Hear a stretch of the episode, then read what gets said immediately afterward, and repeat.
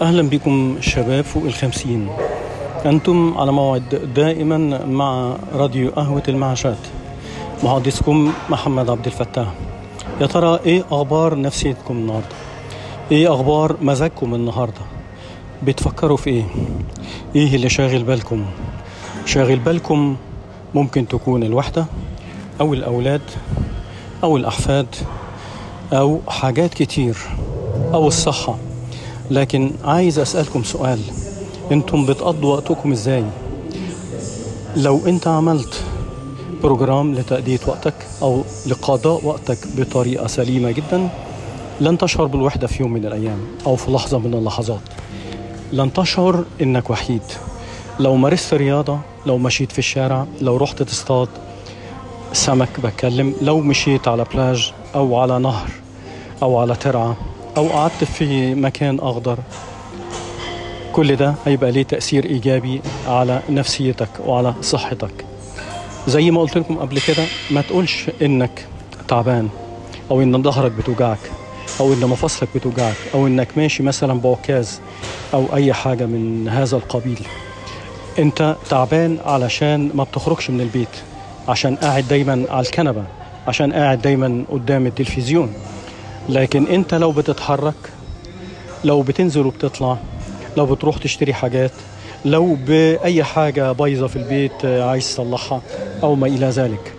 أنا بكلمكم دلوقتي من جيمنيزيوم أو صالة الألعاب الرياضية اللي أنا مصر إني بروحها تقريبا من ثلاث لأربع مرات في الأسبوع عشان أقضي وقت في تمرينات رياضية لأن كل ده بيساعد على تليين المفاصل والعظام والظهر وإحنا بقول لكم شباب فوق الخمسين اهتم بالحاجة دي.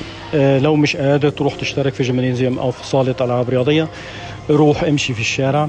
آه زي ما قلت لك حاول تمشي على الأقل نص ساعة في اليوم يا جماعة لأن ده بيساعد على تليين المفاصل وليونة العضلات والعظام. ما تكسلش من فضلك ما تكسليش من فضلك. ما تقوليش زي ما قلت قبل كده يلا حسن الختام. خلاص إحنا كبرنا. بالعكس أنتوا لسه ما كبرتوش يا جماعة. كلنا بنمر بهذه المرحلة. كلنا بننتمي للشريحة العمرية اللي أنتوا عارفينها. أنا أنتمي لشريحة فوق الستين. ومع ذلك آه لو شفتني مش هتديني مثلا سن الخمسين. على حسب ما كل الناس بيقولوا.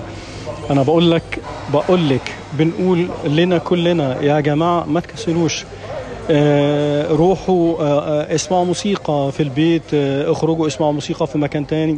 ادخلوا سينما اقرأ كتاب في مجال بتحبه. اكتب اكتب شعر اكتب زجل اكتب موضوع تعبير. مش لازم تكتب حاجة معينة. انت بتقول أنا هكتب إيه؟ لكن بمجرد انك تمسك القلم هي أول كلمة صعبه لكن بمجرد إن بمجرد إنك تخطو أول خطوة وتكتب أول حرف الكلام بيجي لوحده. جربت الحاجات دي كلها شخصيا وتعرضت لها. عشان كده أنا بكلمكم في نفس الموضوع أو في نفس الأشياء الهامة اللي أنا مريت بيها. كل اللي أنا قلته لكم على مدى 30 حلقة تقريبا كل ده أنا مريت بيه ولسه بمر بيه. وهي مش نصايح يا جماعة هي مجموعة من آه هو آه هو ديالوج بيني وبينكم. آه لسه ما حصلش تواصل بيني وبينكم لسه ما فيش حد بعت لي إيميل أو اتكلم معايا. أو لسه القناة أو الراديو غير معروف البودكاست غير معروف لكن أنا متصور إن الأيام اللي جاية أو الشهور اللي جاية يبقى في نسبة عالية من الاستماع والناس تتعرف على البودكاست. أتمنى إنكم ما تكسروش يا جماعة اسمعوا موسيقى اخرجوا من البيت اكتب أي شيء مشي رجليك لازم تعمل مجهود.